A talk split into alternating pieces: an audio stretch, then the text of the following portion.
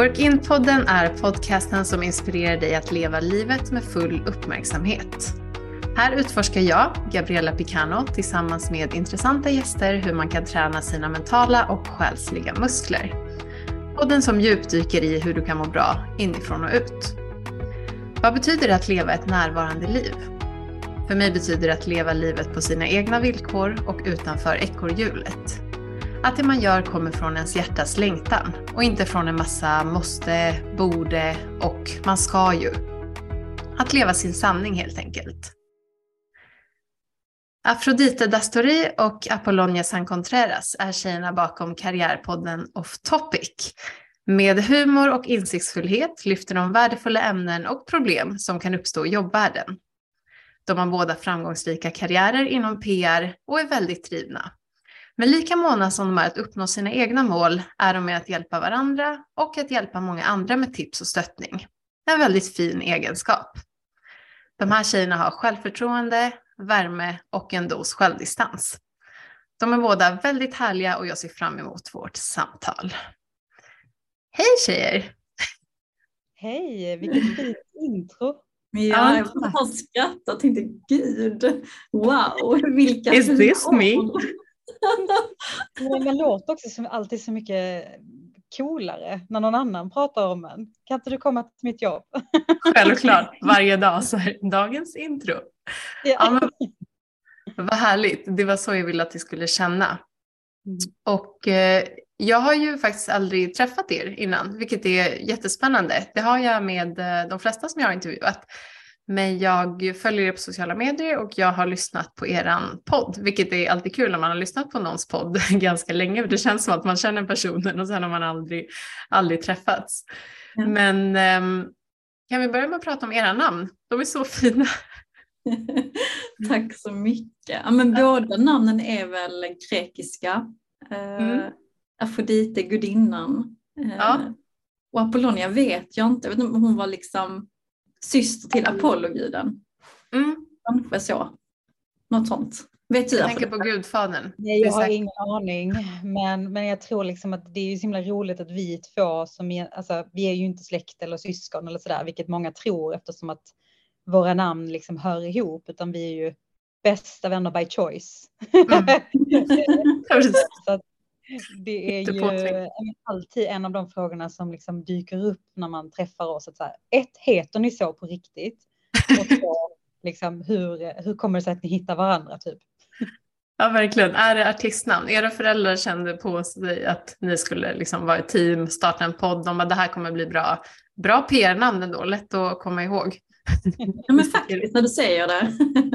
Ja, snyggt. Ja. Mm. Vad härligt. Jag brukar börja med att fråga mina gäster att välja ett ord som beskriver känslan idag. Så vi kan börja med dig Apollonia. Säg ett ord som beskriver din känsla idag. Naiv. naiv? Ja, ja. jag var extremt naiv idag.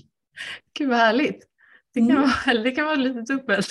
Ja, det kan vara på gott och ont. Idag är det faktiskt på ont. Eh, men det är jättekul att vara här och prata med dig. Men jag sa det innan till Afrodite att jag har bara bokat upp så jävla mycket idag sedan klockan åtta, eller halv åtta i morse. Så det var liksom möten hela dagen. Eh, det var lite naivt, men annars är det bra. Förstår det. Jag tänkte det, vi poddar ju klockan eh, sex en måndag så det är så här, ja det är, det är ofta en tid man kanske inte är så här, åh jag har precis suttit och slappat i tre timmar. Exakt. Vad känner du då Afrodite, dagens ord? Jag tänkte om jag skulle komma på något mer positivt, men jag har nog också liksom mycket så här ta sig igenom vibe eh, just idag, för det är ju måndag också när vi spelar in det här, så att det är ju lite åt oss själva hur vi alltid bokar upp oss på måndagar som om det vore liksom no tomorrow. Det är liksom starta upp gånger 20 000 och det, det känns verkligen. Jag förstår det, men det är Det, jag vill ha det ärliga svaret, så jag är glad att ni inte bara säger någonting som låter bra. För att den här podden handlar inte heller om att vi ska sitta och säga att så här perfekt är det och så här ska du göra allt rätt. Jag har själv haft en jätteintensiv oktober och samtidigt spelat in en onlinekurs om återhämtning och vikten av att stanna upp och ta det lugnt, vilket jag själv absolut inte har gjort under oktober. Jag brukar vara bra på det annars, så det är också det är bra att man själv får vara medveten och inte alltid leva som man lär, för då kanske man får sätta sig in i andra situation. Så, mm. så ni är båda baserade i Malmö, visst är det så? Ja, det stämmer. Är det där ni är nu? Ja, nu är vi faktiskt på Helio som är ett coworking space. Eh, här brukar vi podda, jobba, fika, ha events. Ja, ah, härligt. Poddar vi med dig. Eh, så Afrodite sitter i rummet bredvid. Eh, ja. Jag är här. Mm.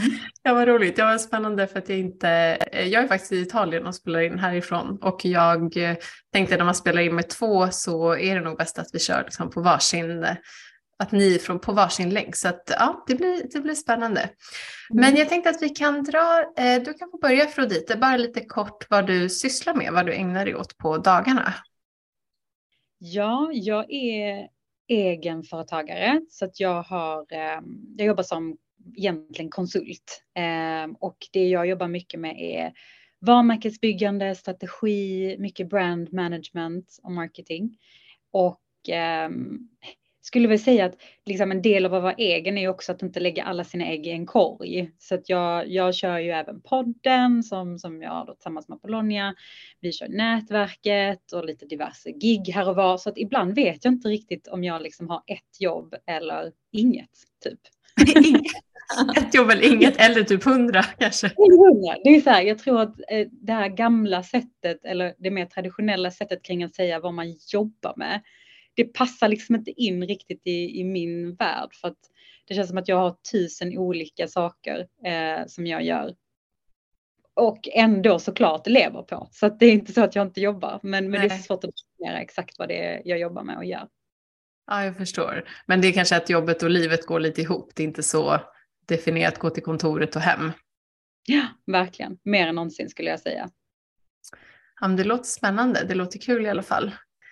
Och Apollonia, vad ägnar du dig åt mellan 8 och 18? ja, men då eh, jobbar jag med PR som PR-ansvarig för eh, olika brands inom sport och outdoor. Eh, och sen har jag så mycket energi och kan vara lite naiv ibland och ta på mig fler uppdrag. Så just nu så föreläser jag, driver podden, driver nätverket, är rådgivare till eh, några få bolag inom då PR och marketing. Så lite olika hattar. Mm. Jag tror att jag får lite ha det gemensamt att vi vill ha lite olika karriärplattformar samtidigt så att när något tar energi så kan vi hämta energi från typ podden eh, och vice versa. Smart. Mm. Och när ni säger nätverket, vad menar ni då? Eh, vi menar hon eh, som är ett nätverk som vi driver här i, i Malmö egentligen. Och eh, vi har haft, vi har drivit nätverk sedan, vad är det 2014? Du har bättre koll på år. Nej men 15, 16. Ja, okay. Till och med 2015. Så att vi har gjort det här liksom hur länge som helst i lite olika konstellationer och former. Men det vi någonstans tycker är så himla energigivande och roligt det är att träffa folk såklart och nät, liksom bredda sitt nätverk men också ge förutsättningar för att träffas eh, och mötas. Eh, vilket vi också gör då via, via hon. Mm. Och hon står för Her Online Network, eller hur? För någon som inte har koll på det. Exakt. Det är ett businessnätverk för kvinnor. Ja. Nej, för män. Her online. det vore i sig väldigt coolt om man hade ett liksom, nätverk för män som hette hon. ja, exakt. Ja, men vad spännande. Det är kul för jag har ju lyssnat på er podd. Tror jag har lyssnat sedan starten. Kanske inte exakt alla avsnitt, men um, vet att jag var ganska trogen i början. Det är skönt för ni har lite kortare avsnitt också, typ en halvtimme, eller hur? Mm, det är ganska skönt ibland. Och jag den är ju väldigt, vad ska man säga, traditionell karriär, alltså corporate-världen är den baserad på, vilket jag absolut inte jobbar inom eftersom jag jobbar med träning och hälsa och ofta står liksom med ett par svettiga tights i ett gym eller i en yogasal. Men jag har, jag har en bakgrund inom PR också, så det är ganska kul för man kan känna igen sig i eh, väldigt mycket av det som ni pratar om, vilket är jättekul. Och sen finns det ju många utmaningar av livet som man ändå alltid kan, kan relatera till, liksom, oavsett vilken bransch man är i. Jag är lite intresserad eftersom jag själv var på eh, eran bana och sen bytte till någonting helt annat. Så jag är intresserad att höra om ni alltid visste att det var det ni ville hålla på med, eller i alla fall som det är nu, eller om eh, hur kom ni in på det som ni gör? Apollonia, du kan börja. Mm, eh, nej men alltså min tanke var att jag skulle bli revisor eh, för att min pappa sa det. Och jag mm. läste ekonomprogrammet med Afrodite på Handels i Göteborg. Eh, men sen så inser jag liksom att nej men gud, jag är inte så duktig på siffror. Um, och så tänkte jag lite på marketing och så kändes det lite mer naturligt och sen så eh, hoppade jag på en master inom kommunikation och landade liksom ett extra jobb inom marknadsföring. Eh, så det kom väl naturligt. Eh, jag hade väl en bild av vad jag ville bli för att det såg bra ut på papper och sen så hittade jag tillbaka till passionen. Eh, så på den vägen och sen just PR kom ju liksom efter några år i karriären. Det var inte där jag började. Mm.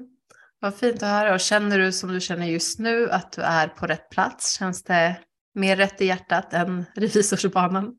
Men gud, absolut. Jag hade varit den sämsta revisorn. Eh, och eh, just nu är jag på en väldigt bra plats, eh, så det känns ju bra. Men jag kan också bli skrämd av tanken att jag ska jobba med marknad och PR resten av mitt liv. Eh, så jag hoppas att jag kanske gör någon avstickare, kanske till sälj eller något annat. För att ha gjort lite andra saker än typ pumpa ut budskap som man gör när man jobbar med PR. Mm. Det är svårt också det där tycker jag att tänka att okej, okay, det här för alltid nu. Jag får panik av den tanken oavsett vad jag jobbar med. Jag tycker det är ganska tröstande att tänka att här, man kan ändra sig. Jag har gjort det en gång så jag tänker att då kan man göra det flera gånger.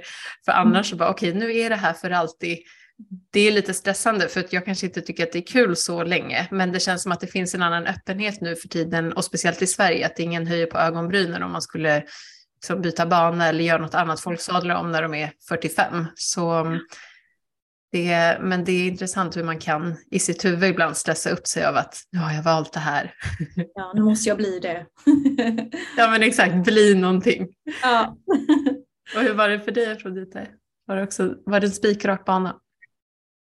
Absolut inte. Alltså jag tror att eh, alltså under min uppväxt så har jag delvis aldrig haft de förebilderna som skulle kunna säga till mig att åh, du kan jobba med marknadsföring eller du kan jobba med liksom business generellt, utan för, för mig och det som jag hade växt upp med så var det mycket så här läkare, ingenjörer, advokat och sånt som, som man hade sett och som mina föräldrar kanske har hört på liksom, i olika sammanhang. Men jag visste ju inte att den här typen av yrken ens fanns. Alltså det är klart att jag mm fattar på något sätt om man har hört det lite sådär under gymnasietiden. Men jag tror att jag uppfatt, upplevde nog det rätt sent vad man faktiskt kunde göra. Mm. Eh, så det var absolut inte självklart för mig utan också lite som en kompromiss. Ja, men du vet, man snubblar in på en, en, en, bred utbildning och sen bara vad inom den här världen kan jag liksom känna att jag tillför någonting. Och då blev det ändå det här kreativa, kommunikativa kring, kring marknadsföring. Um, och jag hoppade ju på en, liksom en, en vad jag tyckte skitsmart karriärbana. Det att jag skulle liksom, jag gick från trainee till brand manager och så vidare och så vidare. Utvecklades, hade flera olika roller och gjorde väldigt bra ifrån mig. Tyckte liksom alla andra och även mig själv. Men hamnade också lite snabbt i en sån här känsla att gud vad jag inte känner mig tillfredsställd mm. med det här och hur saker och ting blev. Um, och behövde liksom hoppa av. Eh, och det var också det jag gjorde i samband med att jag startade eget, att jag liksom hoppade av the corporate ladder eller stegen eller vad man nu säger. För att jag kände att jag hade liksom noll kontroll. Mm. Ja, det är fint att ni båda har känt in, för ni är väldigt unga båda två, men ni har ändå en kommit ganska långt om man kan säga så på sin karriärbana men att ni har känt in att startat någonting och även om många andra tyckte att det här hade varit jättebra och enkelt och snyggt att bara fortsätta på att faktiskt också stanna upp och känna in det för jag tror att det, det är väldigt viktigt. Mm. Jag tänkte på, det är mycket som kommer upp här som jag pratar om, jag ska hålla mig lite till planen, men det är intressant det här du sa med titlar med brand manager och för jag vet när jag jobbade inom, eh, jag var PR-manager på Electrolux på huvudkontoret och jag minns att just det företaget var väldigt, det var väldigt så här, fokuserat på titlar och ju mm. längre desto bättre. Vissa var så här 360 marketing activation worldwide eh, manager för, alla var managers för någonting. Och ju längre, då hade man också fysiska visitkort, det här typ tio år sedan. Så det var liksom hela visitkortet var en titel. Hur kan ni känna med, ehm, för jag har pratat med en del andra gäster om att en sak är precis som i början när ni berättade, ja ah, det här är allting som jag gör. Det är så lätt att man ska presentera sig för någon så säger man, ja ah, men det, det är det här jag gör. Man säger ofta det man jobbar med jag tänker att det kan vara både bra och dåligt att definiera sig med en titel. Hur känner ni med relationen till titlar? Jag får med att det var något avsnitt för inte så länge sedan när ni pratade om just det också. Mm. mm. Nej, men, alltså, jag tror att vi verkligen har en, har inte vi en hatkärlek lite till det här med titlar? Absolut, alltså det är ju bra att ha en bra titel när man är i förhandling eh, och så vidare typ med en eh, säga, byrå. Kommer jag som en manager eller som en head så är det en helt annan jargong tyvärr än om man kommer som en eh, från något annat. Eh, å andra sidan så tror jag att både jag och Fodite som ändå varit been around ett tag eh, så har vi insett att liksom, titel betyder inte ett skit om inte du får mandat, förutsättningar för att faktiskt kunna göra ditt jobb. Mm. Så att det var liksom, vi brukar skämta om så här, head of marketing på Abdos livs vad får du göra på den här livsen? Det är ju det som betyder någonting. Och det är så när man nu ska bygga sin, sitt CV eller sin karriär på liksom case, på att göra bra saker. Sen vad du hette, skitsamma. Mm. Kan, jag, kan jag tycka i alla fall. Mm, det kanske inte är så viktigt personligen, men att du märker ändå att det kan göra skillnad i vissa möten och för, i vissa andras ögon kanske. Att man blir bemött annorlunda eller? Ja, och det, det är ju också enklare kanske att förhandla eh, när man har en viss titel eller kanske få svar, mm. återkoppling. Eh, vi lever fortfarande ett titelkort samhälle om jag får uttrycka mm. Ja, men och det är verkligen alltså det, det, är så himla lätt också att säga att titlar inte är viktigt och att det betyder ingenting. För vi vet alla att det är så. But at the end of the day så kommer vi ändå bli lite påverkade om det är någon som liksom bara så här knackar på och bara åh, vi vill att du ska bli director. Alltså det, det kommer kittla till i magen på ett annat sätt. Jag tror att vi, vi är fortfarande en produkt av liksom det här, det här toxic beteendet. Mm. Men, men jag tror att man kommer, desto, desto mer man erfarer, desto mer vet man också att det man, vilka frågor man också ska ställa såklart. Mm. Mm. Ja, men det är spännande för det är så annorlunda från den världen jag är i nu. Men jag kan också bli när man ser så här head of eh, någonting, man bara, oh, det är ändå lite, lite pirrigt och lite mm, spännande. Wow. Sen som ni säger, det kan ju vara så att man i sitt egna företag så bara, ja, jag är CEO och head of creative, så bara, det är bara jag, inga, inga under Creative director, så bara, okej, okay, i ditt enmansföretag. Det är ju det coolaste som finns nu, det är ju att vara co-founder. Så att eh, det kan man också slå till med. Det kan man ju vara i sitt egna företag. Ja, det, det känns ju lite som den här entreprenörs eh, liksom, titeln är också rätt så hett just nu att man ska mm. ha någonting och så. Det är lite, lite nytt men också fortfarande väldigt aktuellt. Ja, det är gärna gjort en exit. Ja, precis. Ja. Kul. Ja, men det, jag skulle säga att det är viktigt att eh, ta för sig. Det är det ju i livet och i alla branscher. Och jag får känslan av att eh, ha lyssnat på er att ni båda är ganska duktiga på det. Det är någonting att ta för sig. Har det alltid kommit naturligt eller är det någonting som ni har tränat upp? Alltså jag tycker den är lite svår för det är alltid väldigt relativt. Alltså jämfört med vem och jämfört med vad. Eh, liksom i vilka sammanhang. För att jag skulle nog ändå säga att jag har mycket liksom, room for improvement där faktiskt när det gäller att ta för sig. Jag tror att det finns många andra som gör, tar för sig mycket bättre än mig. Alltså jag strugglar med det liksom dagligen, för jag är också en person som är mån om att liksom känna in stämningar och vill att det ska kännas bra och vill att alla ska vara med och liksom kan ibland eh, kanske på min egen bekostnad låta mig själv hamna i baksätet lite för att det finns andra som tar extremt mycket plats i vissa rum. Mm. Men i andra sammanhang när det behövs någon som liksom ska steppa fram och ta mycket plats, då kan jag ta den rollen. Men det beror lite på vilka som är i det forumet.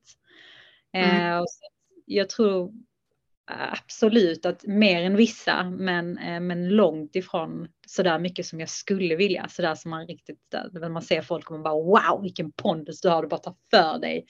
Så alltså jag har en lång väg att gå innan jag kommer dit. Du tänker på en varg då eller? Exakt.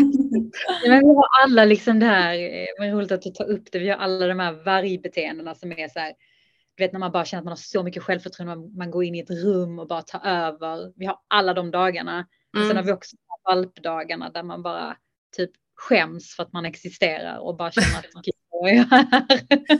Ja, men jag gillar det begreppet, ni använder ju varg eller valp i er podden och jag tror att precis som du sa, man förstår ju ganska tydligt och jag tror att många kan, det är sällan man säger okej okay, jag är varg eller jag är valp, utan det kan verkligen vara dagar som man går in med sin vargenergi i någonting och sen någon annan dag så bara nej gud jag vill inte alls eh, synas. Så mm. ja, det, vad tycker du är svårt med att, eh, med att ta för sig? Då? Är det just att det beror på lite vem, vilket sammanhang du är i, vilka andra personer? Ja, men exakt just det här, eh, ja, men vilka personer som är i rummet och vad som förväntas av en. Och jag tror också typ att jag har liksom moments där jag kanske har skitmycket självförtroende och har en jättebra dag och bara, du vet, jag kan skriva världens pitchmail eller ringa världens pitchsamtal till någon och sen så kan jag liksom dagen efter må lite dåligt över det där mejlet jag skickade för att jag bara känner gud vad cringe, alltså att jag tog i så jävla mycket och varför skulle jag mm. göra det? Som att du tog liksom, för mycket plats. Ja, men jag, det blev som, men gud, vad trodde jag mig själv? Lite så. Alltså mm. man pendlar mellan sina egna demoner någonstans. Eh, så den är inte helt enkel att navigera. Nej. Nej, jag håller med och det är intressant för att, att man tar mycket plats betyder ju inte att man tar någon annans plats utan jag ser det som att det finns för alla men sen såklart ska man inte göra det, man ska inte köra över någon annan men man kan ju ta plats fortfarande vara ödmjuk. Sant. Hur ser du på det Apollonia? Vad, vad känner du? Men jag har nog alltid eh, varit den som räckt upp handen och tagit plats när jag kunnat. Och det har väl lite att göra med min bakgrund där jag liksom inte kommer från akademisk familj eller har mamma eller pappa som känner vdn på det bolaget. Jag har alltid fått liksom skapa mina egna förutsättningar och knacka liksom på de dörrarna som jag måste knacka på eller ringa de samtal jag behöver ringa. Eh, sen har det liksom följt med och jag kan väl känna som att för det att jag skäms ibland när jag läser liksom jobbansökningsmail jag skickat till diverse bolag. Gud vad på jag var liksom. Men jag hade inte heller något val. Alltså antingen var det att vara på eller inte få något. Mm. Och då liksom jag satt igenom tio bolag så blir det ett ja till slut. Mm. Så det kommer jag alltid vara tacksam för. Men sen märker jag på senare år att jag kanske är lite mer ödmjuk, att jag litar mig tillbaka och låter andra shina. Eh, låter så konstigt, inte att jag inte gjorde det innan, men jag behöver inte ta för mig lika mycket för jag känner mig så trygg i liksom min plattform, att jag har mitt liksom daily job, min hjärna och sen mm. har jag podden, jag har föreläsning, föreläsningarna. Att, att jag behöver inte vara lika valpig som jag var innan i att hoppa på saker och ting. Mm. Eh, men det är klart när det väl gäller så tror jag att jag passar på. Mm. Ja, men jag förstår, det kan ju också vara en mognadsprocess när man är yngre och kanske bygger upp en karriär. Man vill också det här, hoppa på alla saker, ta alla chanser. Det där är ju mm. för övrigt otroligt kul om man skulle gå och läsa sitt, inte CV kanske, men sitt personliga brev som man har skrivit. Bara, wow, jag är en supermänniska. Så bara prickar in exakt allting och mer som är i annonsen att man, eh, ja det där är ju kul. Men samtidigt tror jag att man skulle behöva, speciellt i Sverige, för det är lite osvenskt att ta för sig på det sättet och kanske ännu mer för kvinnor än för män, att lite mer den, eh, det självförtroendet man har kanske i en intervju eller i sina personliga brev, att ha det också i verkligheten. För att så länge man inte är elak eller kaxig, kör över någon annan så tror jag bara att det vore bra om fler var lite så. Mm man kommer inte ångra det. Man kan känna som ni säger, ah, det är lite pinsamt, man läste igenom någonting, men du kommer inte skada någon annan. Nej, men precis. Sen tror jag också att vi behöver bli bättre på att räcka upp handen och kanske inte utgå från att alla kan läsa våra tankar. Det är liksom klassiskt när man sitter i corporate och det finns en, en roll för dig eller för någon att så här, up for grabs. Och så tänker man så här, ja men min chef vet ju hur duktig jag är, hur mycket jag har jobbat över och jag borde få den rollen. Mm. Men fråga, säg, säg det då att men, jag vill. Mm. Eh, och anta inte att din chef ska luska ur det för den chefen har säkert jättemycket i sitt huvud. Eh, mm. Man behöver kanske också eh, göra det enkelt för andra att förstå att man är kanske mm. the right fit eller inte. Ja men precis, det är som du säger, folk kan inte läsa ens tankar. Ibland behöver det bara att man säger vad man vill ha för att mm. uttala det, både för sig själv och för andra. Men det är ja, men lite mer varighet åt folket.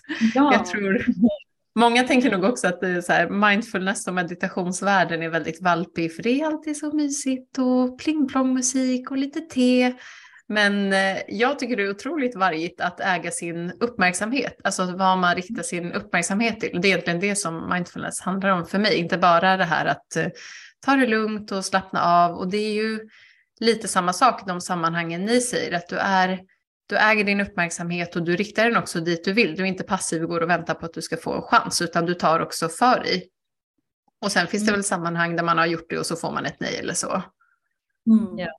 Nej, men jag gillar verkligen det sättet att se på det också liksom ur ett, ja men vad ska man säga, ta plats blir också någonstans att ta kontroll över sin egna, med sitt egna liv och sitt, allt som händer. Att liksom, ja men jag behöver inte sitta här och vara passiv och lyssna och ta till mig, utan jag kan också vara en aktiv del av det. Och jag tror att mycket ändras när man skiftar det perspektivet eh, och mm. vågar liksom, tänka på det sättet.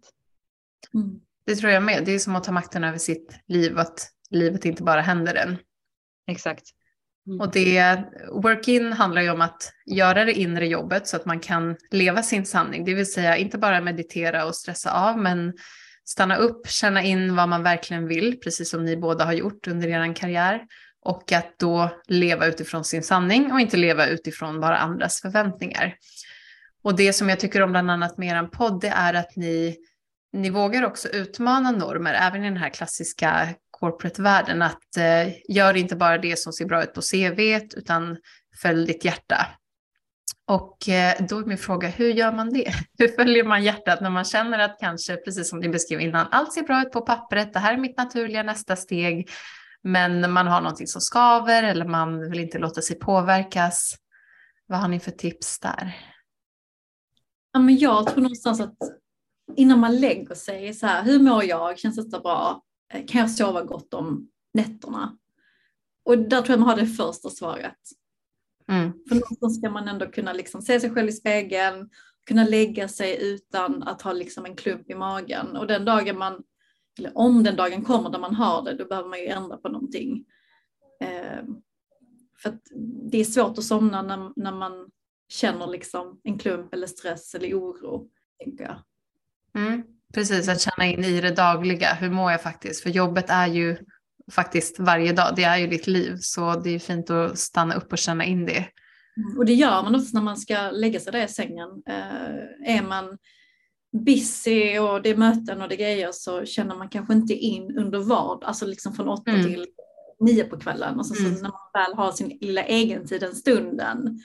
Eh, jag tror att jag tror även forskare har sagt att i sömnen, där brukar man kunna se liksom hur ens välmående är, att det speglar. Mm. Nej, men jag tror också att det är så himla viktigt att, men förutom liksom att vara väldigt reflekterande och tänka, men, men också någonstans att det som för mig var en sån här liten wake-up call, för att jag gick ju hela, hela livet kändes det som, eh, bara på liksom att jag skulle prestera och att jag skulle liksom på nästa grej. Det var bara mm. framgångshets efter framgångshets för, för min egen del och jag jämförde mig mycket med, ja, men, liksom med andra och vad kunde jag göra och lite så.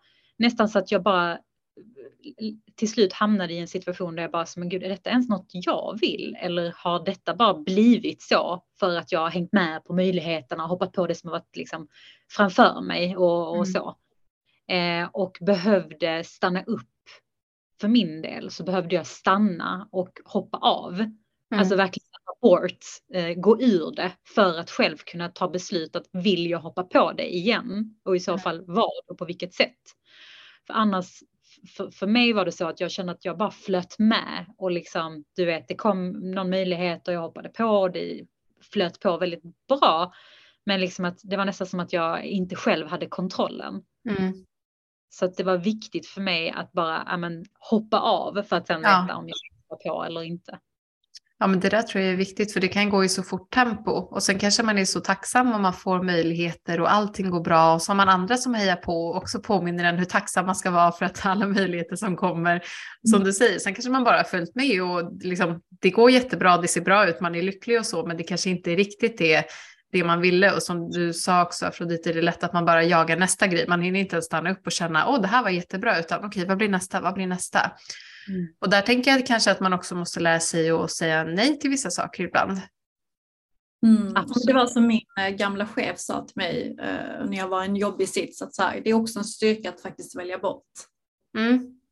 För mig var det så, wow, det är sant. Ja, det är så svårt tycker jag. Ja, framförallt det, det man pratar om att man ska göra. Alltså, man ska ju alltid hoppa på alla möjligheter och man ska vara liksom en opportunist. Det är mm. de som premieras och sådär. Man ska inte man ska liksom vara en person som ser möjligheter. Så att jag tror att det är lite, lite mindfuck för många att bara mm. faktiskt också tacka nej. Ja men precis, för tackar du nej till något så tackar du ju ofta ja till någonting annat. Och ibland kanske det är din mentala hälsa du tackar ja till för att du tackar nej till att det är kaos. Men eh, ja, jag, så kan jag också ha känt under min uppväxt det här att man ska inte stänga någon dörr och man ska vara så alltså säga ja till allt, det uppmanar så mycket och ta alla chanser och det är en jättebra egenskap, men att man behöver få öva ibland på att också säga nej. Är ni duktiga på det? Alltså det var ett skitbra tips som jag fick av min mentor som jag aldrig tänkt på. Det var att, för jag sa till henne, jag, bara, men jag vill inte stänga några dörrar. Hon bara, vet du vad? Vissa dörrar kan man faktiskt stänga och det är helt okej. Ja. För det är sant. Varför ska det är så enkelt. Alla... Man bara, jaha, kan man? Det visste jag inte. Men varför ska man liksom, alltså för är någon en douchebag eller liksom, ja, en jobbig person som du inte vill ha i ditt liv, då kan du stänga den dörren. Det är också mm. typiskt duktiga flickor och prestationsmänniskor, att nej, man ska alltid mm. hålla allt cleant och alla dörrar och allt ska vara liksom härlig stämning. Men mm. fan, tal om att ta kontroll. Passar det inte, bara stäng den. Hejdå, ja. Ja men exakt, jag lyssnade på en föreläsare faktiskt inom PR-branschen för ett tag sedan som pratade om också det här att var inte, du behöver inte vara så tacksam hela tiden. Att såklart att man inte ska vara dryg, att så här, får man möjligheter och man får hjälpa folk, men så här, du behöver inte hela tiden springa runt och vara tacksam, utan du förtjänar din plats. Du förtjänar att vara här, du har säkert jobbat hårt, öppnat dörrar, stängt dörrar, men att inte allting, ja men jag är bara så tacksam att vara här, så med mig kan ni göra vad ni vill, för det kan vara lite den stämningen, speciellt under ens juniora år. Eh, sen så kanske det blivit bättre än eh, när jag började, men jag vet, det var nog också för att när man själv var nyexad från universitetet, man ska visa framfötterna. Jag vet inte om det är lite annorlunda med dem, den andra, nästa generation, det låter som man är lastgammal, men att det är lite mer tror jag, att de kanske har lärt sig att sätta ner foten lite mer, kanske veta sitt värde på gott och på ont. Sen kan ju det kanske gå till överdrift också när folk kommer och är 22 och bara jag vill vara vd med noll års mm. erfarenhet. Men ändå att man, eh, ja lite det här att inte vara för tacksam. Mm, ja, men så bra, så viktigt.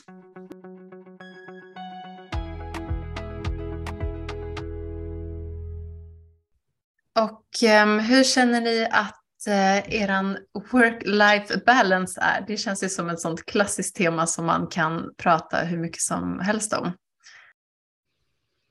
Nej, men jag, jag tror att den, den är liksom ständig under, eh, under process eh, för en själv för att den ser ju också väldigt olika ut. Jag behöver också tillåta mig själv att ha vissa perioder där jag jobbar mycket och jag behöver tillåta mig själv att ha vissa perioder där jag inte gör lika mycket eller så, ha mer av det ena och det andra.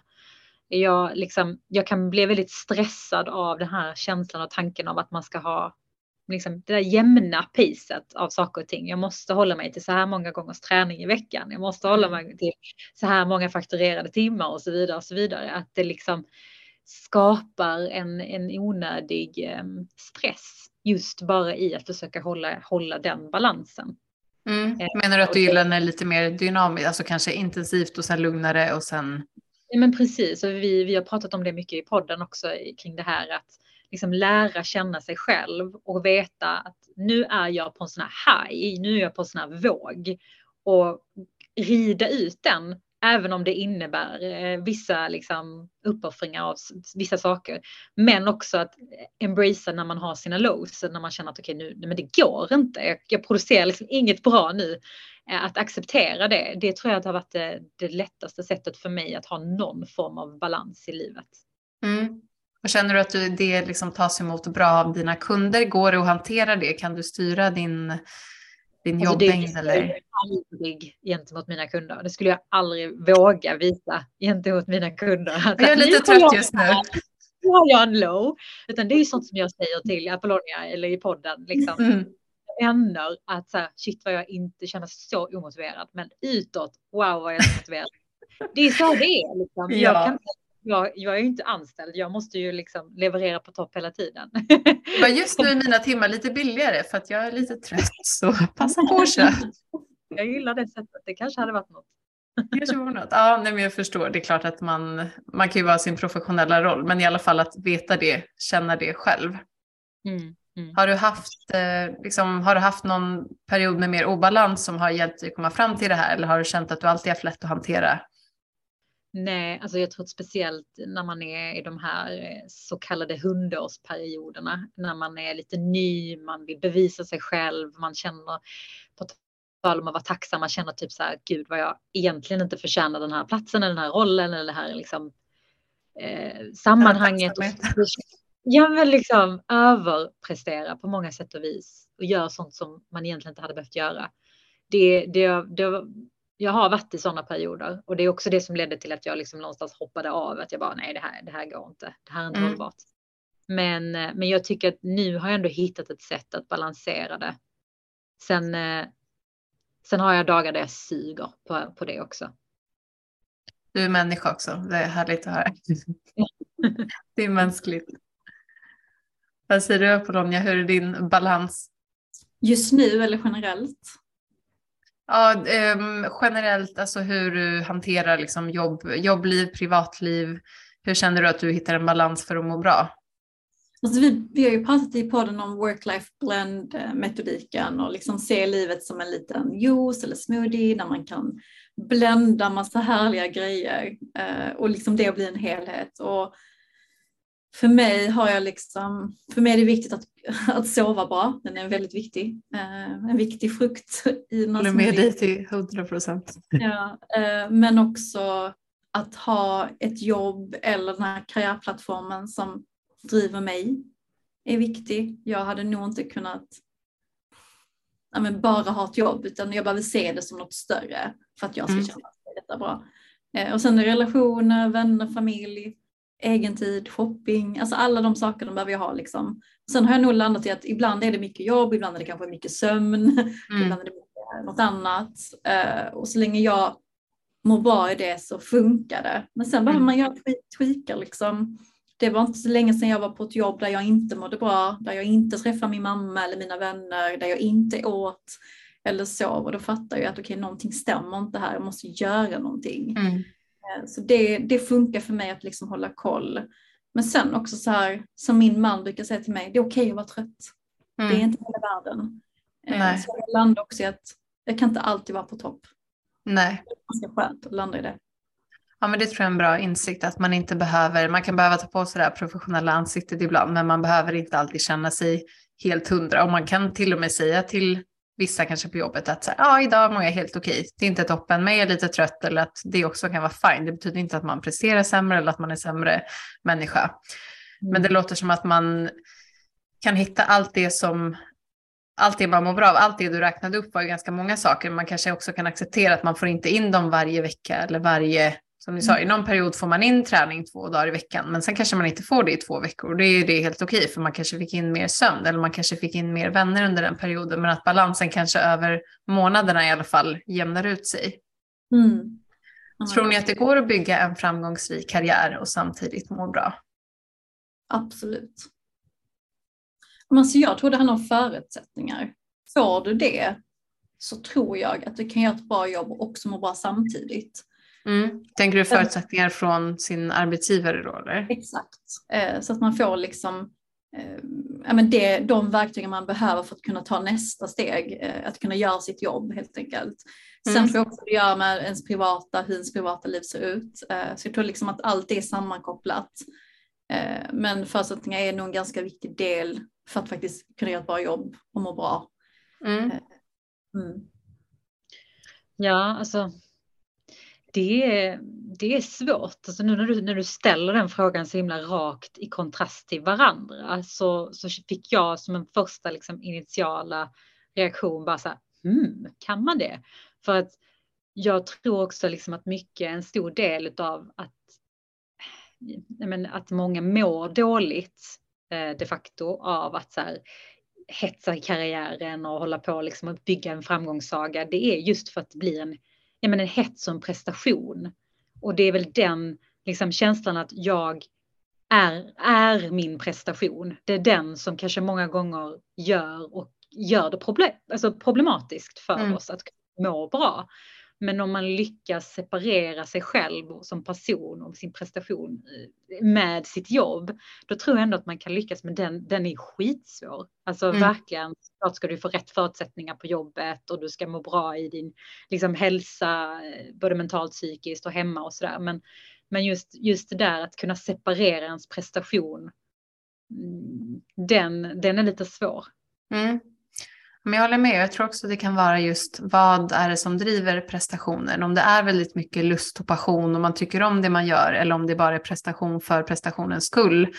Mm. Och sen handlar det också om hur definierar man framgång som vi sa innan, är det att bara göra massa exits, bara ha en fin titel, då kanske inte kommer riktigt inifrån en själv heller, då kommer det från någonting yttre och det kanske är en mer risk för utmattning eller all typ av stress än att det är något som kommer från hjärtat.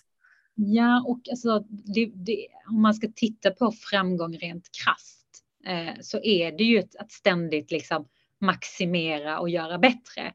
Bättre mm. än vad jag gjort fram tills nu. Mm. Det är liksom någonstans en krock med det här att må bra som mer mm. handlar om att vara i nuet och att mer, alltså mer handlar om hur, hur jag mår nu. Och de två går ibland kanske lite emot varandra. Att mm. liksom, what's the next step? Vad är min nästa grej? Är liksom ändå lite motsägelsefullt mot, mot det här att vara i nuet och mm. nöjd. Ja, precis. Jag tror att man kan, alltså, om man inte tänker klassisk eh, framgång i karriären eller ekonomisk framgång så kan man ju definiera framgång i sitt egna liv. Framgång kanske är när man har alla de delarna som man mår bra av. Sen om det betyder att du går framåt. Du kan känna att du går framåt för att du utvecklar dig, du lär dig saker, du får nya relationer eller du värnar om dem du har. Då kan du känna att du har ett framgångsrikt liv. Sen kanske du inte hamnar på Forbes lista över framgångsrika personer, men du kanske känner dig framgångsrik ändå. Mm. Men har ni något sätt om ni vet till exempel att nu kommer det vara en jäkligt intensiv eh, jobbperiod eller väldigt mycket stress. Har ni något speciellt sätt då att antingen ladda upp innan eller återhämta er efter? Apollonia, du kan börja. Eh, ja, alltså då bokar jag inte upp så mycket privat när jag vet om att det är en intensiv period. Mm. Eh, jag brukar liksom försvinna lite från chattar och kommunikationskanaler. Eh, och det funkar för mig. Att få gå in i mig själv och typ så överleva lite. Mm. Spara energi. Prioritera. Mm. Det låter smart. Det kan ju ta så mycket tid och energi bara så här svara på folk i olika, i olika chattar. ja. Vad säger du Afrodite? Ja men också tänker jag kopplat till det är lite det här med att vara verbal kring det att säga att nu har jag mycket för att liksom lite eliminera de här, ja men, men lite um, ångestkänslorna som kommer kring att man inte räcker till i olika sammanhang. Att man liksom bara, bara så här, alla vet nu så har jag det så här. Jag tycker att det är rätt skönt när man kan säga det. Eh, och att omringa sig med personer som, som inte kräver från dig hela tiden. Alltså det är att bara så här, ta bort människor som bara ska ta och ta och ta. Eh, mm. Det tror jag också är det bästa man kan göra för sig själv. Att bara så här, jag har bara folk runt omkring mig som ger mig energi och som, som förstår mig och bryr sig om mig som person mer än vad jag kan ge dem eller liksom göra mm. för dem.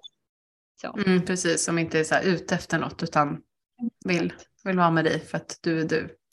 Mm, och klippa de här energitjuvarna. Mm, ja, de ska, ska klippas snabbt. vad, om vi börjar med dig Afrodite, vad har du för tankar kring att leva ett närvarande liv? Vad, vad betyder det? Man tänker att kan man det här med att vara i nuet, det kan betyda olika saker för olika personer. Kan man göra det och samtidigt jobba fokuserat mot mål? det är min liksom största utmaning för jag är en väldigt målfokuserad person, resultatfokuserad hela tiden så här. What's the point? Varför gör vi detta? Eh, men får ju ständigt den här frågan liksom att men hur känns det nu? Hur är det nu? Eh, och har kanske inte naturligt haft det i mig utan det är någonting som jag liksom måste själv lägga till. Och jag märker ju liksom hur mycket bättre man mår när man är närvarande och hur mycket längre livet känns när man är närvarande. Alltså mm. annars, jag är ju, alltså snälla vi har ju alla haft så år som bara försvunnit och man bara gud var jag ens där? Alltså mm. jag, jag vet inte ens om jag var där liksom. Det är typ mm. berättar för mig att jag var där. Men liksom jag var inte där. Så mm det kan ibland få mig att bli så här, åh gud, alltså, var, varför tänker jag hela tiden på typ nästa år och nästa grej istället för att bara fokusera på att vara här och nu. Eh, men, men det, jag gör det i kanske tre minuter, sen är jag tillbaka i att tänka på nästa grej. Hur, är det både jobbmässigt och privat som du tänker hela tiden framåt eller är det mest i, i jobbet? Nej men mycket jobbet. Mm. För där tvingas man ju kanske lite mer att göra det också, att planera. Ja, såklart, men också liksom i ens, i, i ens egna karriär och vilka val man gör och sådär. Men, men jag tror pandemin hjälpte i alla fall oss väldigt mycket i att eller så att det hjälpte oss, det var en jättehemsk tid för många, men liksom det hjälpte någonstans att, att lugna sig, att inte ha den här stressen kring nästa grej. Alltså vi, vi umgicks väldigt mycket med de allra närmsta vännerna och blev liksom väldigt så måna om att det vi har här och nu är bra och det mm. mådde jag faktiskt väldigt bra av. Mm. Ja, det är kul. Jag tänkte också på det och hur det kändes helt omöjligt när de bara, vad händer på lördag? Och det var torsdag. Man bara, oh, det känns helt omöjligt att tänka så långt fram i tiden. Och innan hade man så tänkt två år framåt. Mm. Och jag tänkte också att ah, det är fint, det här, det här kommer vi nog komma ihåg. Det känns som att vi lite har glömt bort det nu. Speciellt ja. den här hösten som alltid Alltså alla mina helger är uppbokade fram till årsskiftet. Är det, alltså, det är otroligt. hur, känns, hur känns det då? Är det kul eller känns det stressigt? Nu är det väldigt roliga grejer så det känns ju kul, men det känns också jobbigt i att inte kunna vara spontan. Mm. mm. man är uppbokad. Mm. Så det är en learning till, eh, till nästa år. Till nästa år? Ja. typ en sån grej man ska göra nästa år. ja, precis, sen. Men hur känner du då Polonia med det här att vara i nuet? Är det lätt? Är det svårt? Hur gör du för att ta dig till nuet? Um Alltså jag är helt okej okay på det. Jag skulle inte säga att jag har några jättebra tips. Eh, jag känner mig som mest i nuet när jag får typ en paus från min vardag, typ på semestern, vilket är sådana varningstecken. Eh, men såklart medveten eh, om att det är viktigt. Jag tror att de stunderna jag lyckas få nuet moments, det kanske är min lillebror som är 11 år, han är väldigt mycket yngre än mig. För då är det verkligen här och nu. Mm. Eh, men jag har inte lyckats liksom lösa den tror jag. Nej, jag tror inte heller att det alltid finns här. Det här är hemligheten. Bara att ni båda reflekterar över det, bara att man reflekterar och kan känna. Det är klart det är mer naturligt, man är ledig på semester, kanske reser och är på någon plats. Då är man ju mer närvarande naturligt och upptäcker saker än när man jobbar på flera dagar kanske dagarna ser lite mer likadana ut. Men bara att man är medveten om att Åh, nu planerar jag framåt eller nu har jag skenat iväg, då är det kanske ett steg på att man i alla fall vet om det. Sen är det inte någon som har alla svar exakt på, på hur man ska göra saker. Vissa tror jag också mår bättre att vissa behöver mer spontanitet, andra behöver mer planering och ibland går det olika faser. Men det, det är så intressant att prata om, speciellt som sagt efter pandemin. Det kändes som det hände så, så mycket och eh, ja, jag kan sakna pandemin, det har jag sagt i podden tror jag också. Är det så? Jag saknar tempot, även om det sög. Ja, inget ont som inte har något gott med sig. Ja, men det, det, är många som säger det. Det är många som säger att de fick ett helt annat tempo, en helt annan närvaro och att eh, ja, men det är svårt att behålla det sen när allting skenar på liksom i, i det vanliga tempot. Mm. Men eh, tror ni att, för jag tänkte faktiskt på det apropå pandemin, för det var också något ni pratade om ni pratade ganska nyligen om det här med att eh, attrahera och behålla talanger i er egen podd och eh, vad man kanske har för krav och önskemål och så. Att det är Ehm, efter pandemin så känns det mer accepterat att folk jobbar hemifrån och inte hela tiden är på kontoret och sådär. Tror ni att eh, det jobbklimat som är idag, för jag upplever också att det är ganska stor skillnad bland mina klienter som har lite mer klassiska kontorsjobb. Eh, tror ni att det är bättre förutsättningar för ett hållbart arbetsliv det här nu när man får variera mer eller tror ni att folk kanske jobbar ännu mer? Ja, alltså det, det är nog lite svårt. Jag tror det beror väldigt mycket på person. Eh, alltså det känns som att de som jobbar, jobbar mycket hade jobbat mycket oavsett om de hade jobbat hemma eller de jobbat på kontoret. Det är, så här, det, det är andra driv, drivkrafter bakom. Jag tror också att man behöver se jobba hemma. Det är liksom lite en inställning kring hur, hur, hur man använder det. Jag tror att man behöver sätta sina egna rutiner, sina egna, liksom sitt sätt att och hantera det och framförallt friheten som det faktiskt ger eh, i att sätta upp din egna, din, din egna tid. Liksom. Eh, jag upplever att jag jobbar längre. Alltså att jag har inte lika så här eh, tydliga, nu jobbar jag, nu jobbar jag inte. Men jag tror samlat, om man skulle lägga liksom arbetstimmar, så tror jag att det är ungefär samma. Men det är mer bara att jag kanske slänger in en tvätt eller får ihop liksom en, en viktig frisörtid mitt på dagen som jag aldrig hade fått annars. Eh, men, men kanske svara ett mejl på kvällen. Alltså lite så. Vad säger du Apollonia? Eh, nej men jag tror absolut, speciellt för de som har kids och lite andra ansvar än kanske vi som är dinks, i att eh, man får ihop det på ett helt annat sätt. Att det kanske är enklare? Mm. Ja men det tror jag absolut och också lite som vi pratade om, i vår föreläsning som vi då hade på Helio för några veckor sedan, jag tror vi pratade om det i podden, att eh, det ger också en, en, känsla av att du har lite kontroll över ditt liv. Mm. Eh, vilket också underlättar rent psykiskt. Man tar, ja. läget. Jag, jag, får bestämma själv. Ja. Och stressen, alltså som att den är som den här stressen att jag måste vara på en viss plats. Mm. Jag menar, vi behöver inte lägga till den stressen. Alltså, det spelar väl ingen roll var vi är, bara vi jobbar och liksom gör det vi ska. Mm. Och det tror jag kommer vara en sån jävla USP sen för bolag som är flexibla. Alltså folk är ju villiga att gå ner flera tusen lappar i lön mm. för att kunna styra sin tid. Mm. Jag tror också det har blivit en viktig faktor också för vi har sett att det går, att det är så pass smidigt att det inte påverkar kvaliteten. Det har säkert blivit bättre i många fall, att folk har lättare att fokusera när de sitter hemma. Och som ni säger, inte det här klassiska, alla ska tränka sig på tunnelbanan samma tider och pendla så mycket tid folk säkert sparar på pendling som de kanske ja. lägger på jobbet men förhoppningsvis kanske också på att ta hand om sig eller familjen eller något, något kul. Eh, jag tänkte innan vi avslutar bara prata lite om det här med nätverket för kvinnor som ni driver. Ni driver det, men det är inte ni som har startat det, eller hur?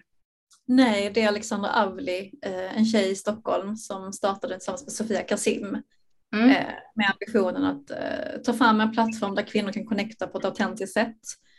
Och sen spred sig det här nätverket som, som elden och finns i lite olika städer som Köpenhamn, Malmö, London, Shanghai, Mm. Eh, ja.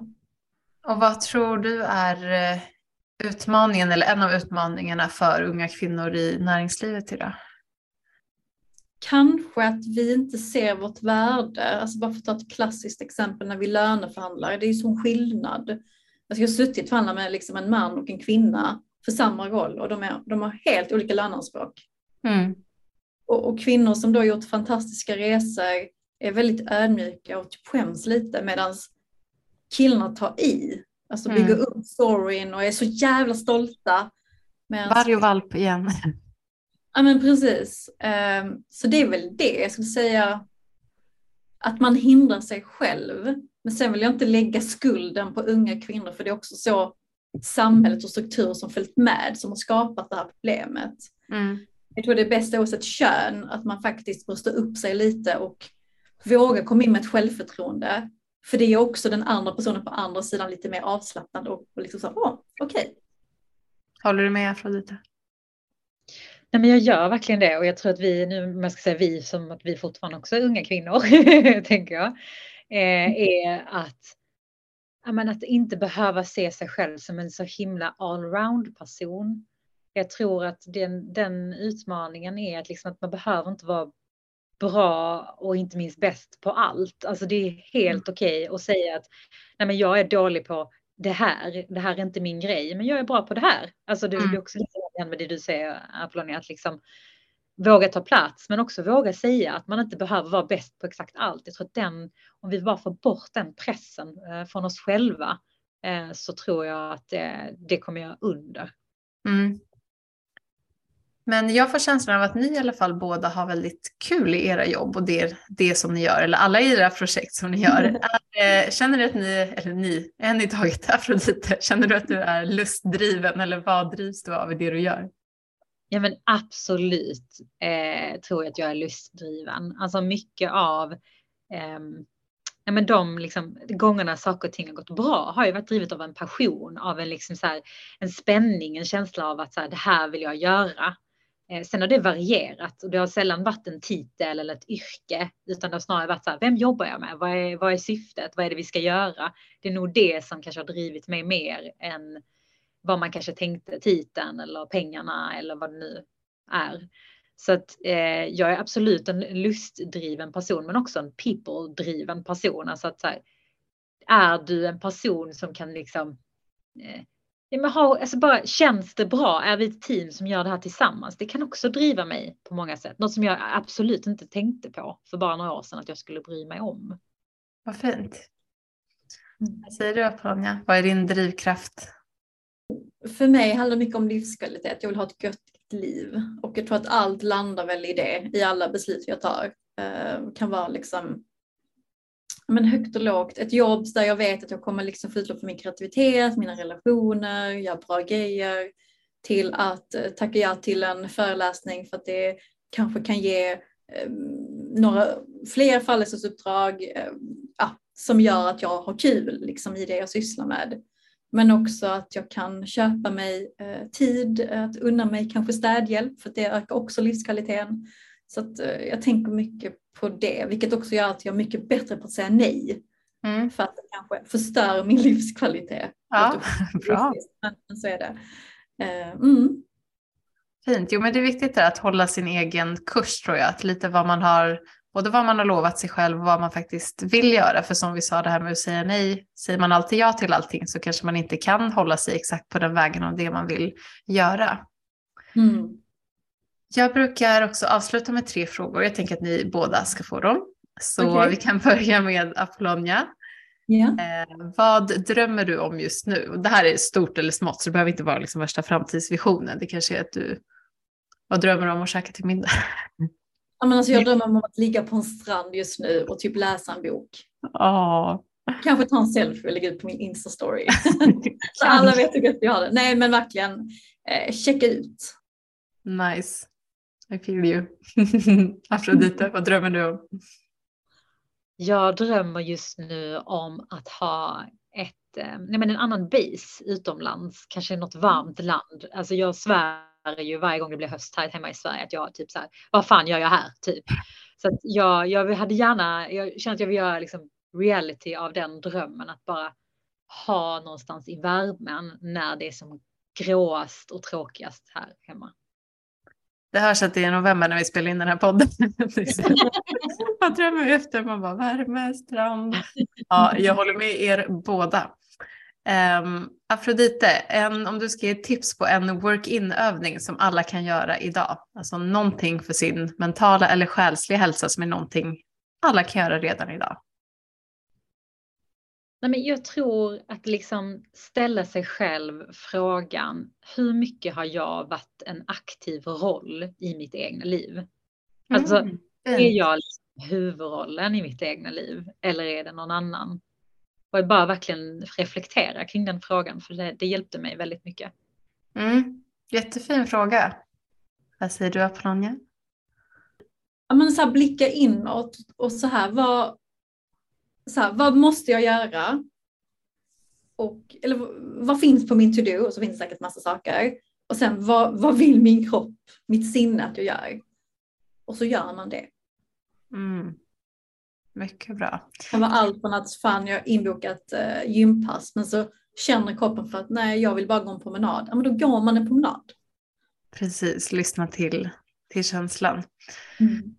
Fint, sista. Ett eh, långsiktigt, ett långsiktigt tips för, för ett hållbart arbetsliv? Okej, okay. uh, nej men att utgå för att ingen kan läsa dina tankar. Behöver du hjälp så ber du om hjälp. Behöver du input så ber du om input. Behöver du ledighet så ber du om det. Alltså så simpelt. Så bra. Det är så enkelt. Så det mm. kan vara så svårt i praktiken men det är så skönt med de här så man bara ja, det är egentligen inte svårare än så. Grymt tips. Afrodita, har du något mer långsiktigt tips att tillägga? Alltså det bästa tipset som jag typ, eller det bästa regeln jag har levt efter själv har, har varit liksom det här med att bli mycket bättre på att identifiera vad jag är bra på och vad jag är mindre bra på. Mm. Alltså bara verkligen hitta sin egna så här, positionering i olika sammanhang för att det hjälper en i de här gångerna där du är osäker på om du ska tacka ja eller du ska tacka nej. Så här, är jag, vill jag utvecklas eller vill jag inte utvecklas eller är det här ens någonting jag är bra på? Mm. Och jag tror att på lång sikt att gör vi sånt som liksom vi har förutsättningarna att göra bra så kommer vi också må bra. Mm. Jättefint. Vilka mm. grymma tips tjejer. Tack. Vi har funderat lite över det här. Så um, om ni inte känner att ni vill addera någonting annat så um, tack så jättemycket att ni var med. Nej, men tack själv, så kul att få prata med dig och väldigt, väldigt bra frågor. Ja, superbra. Att tänka till.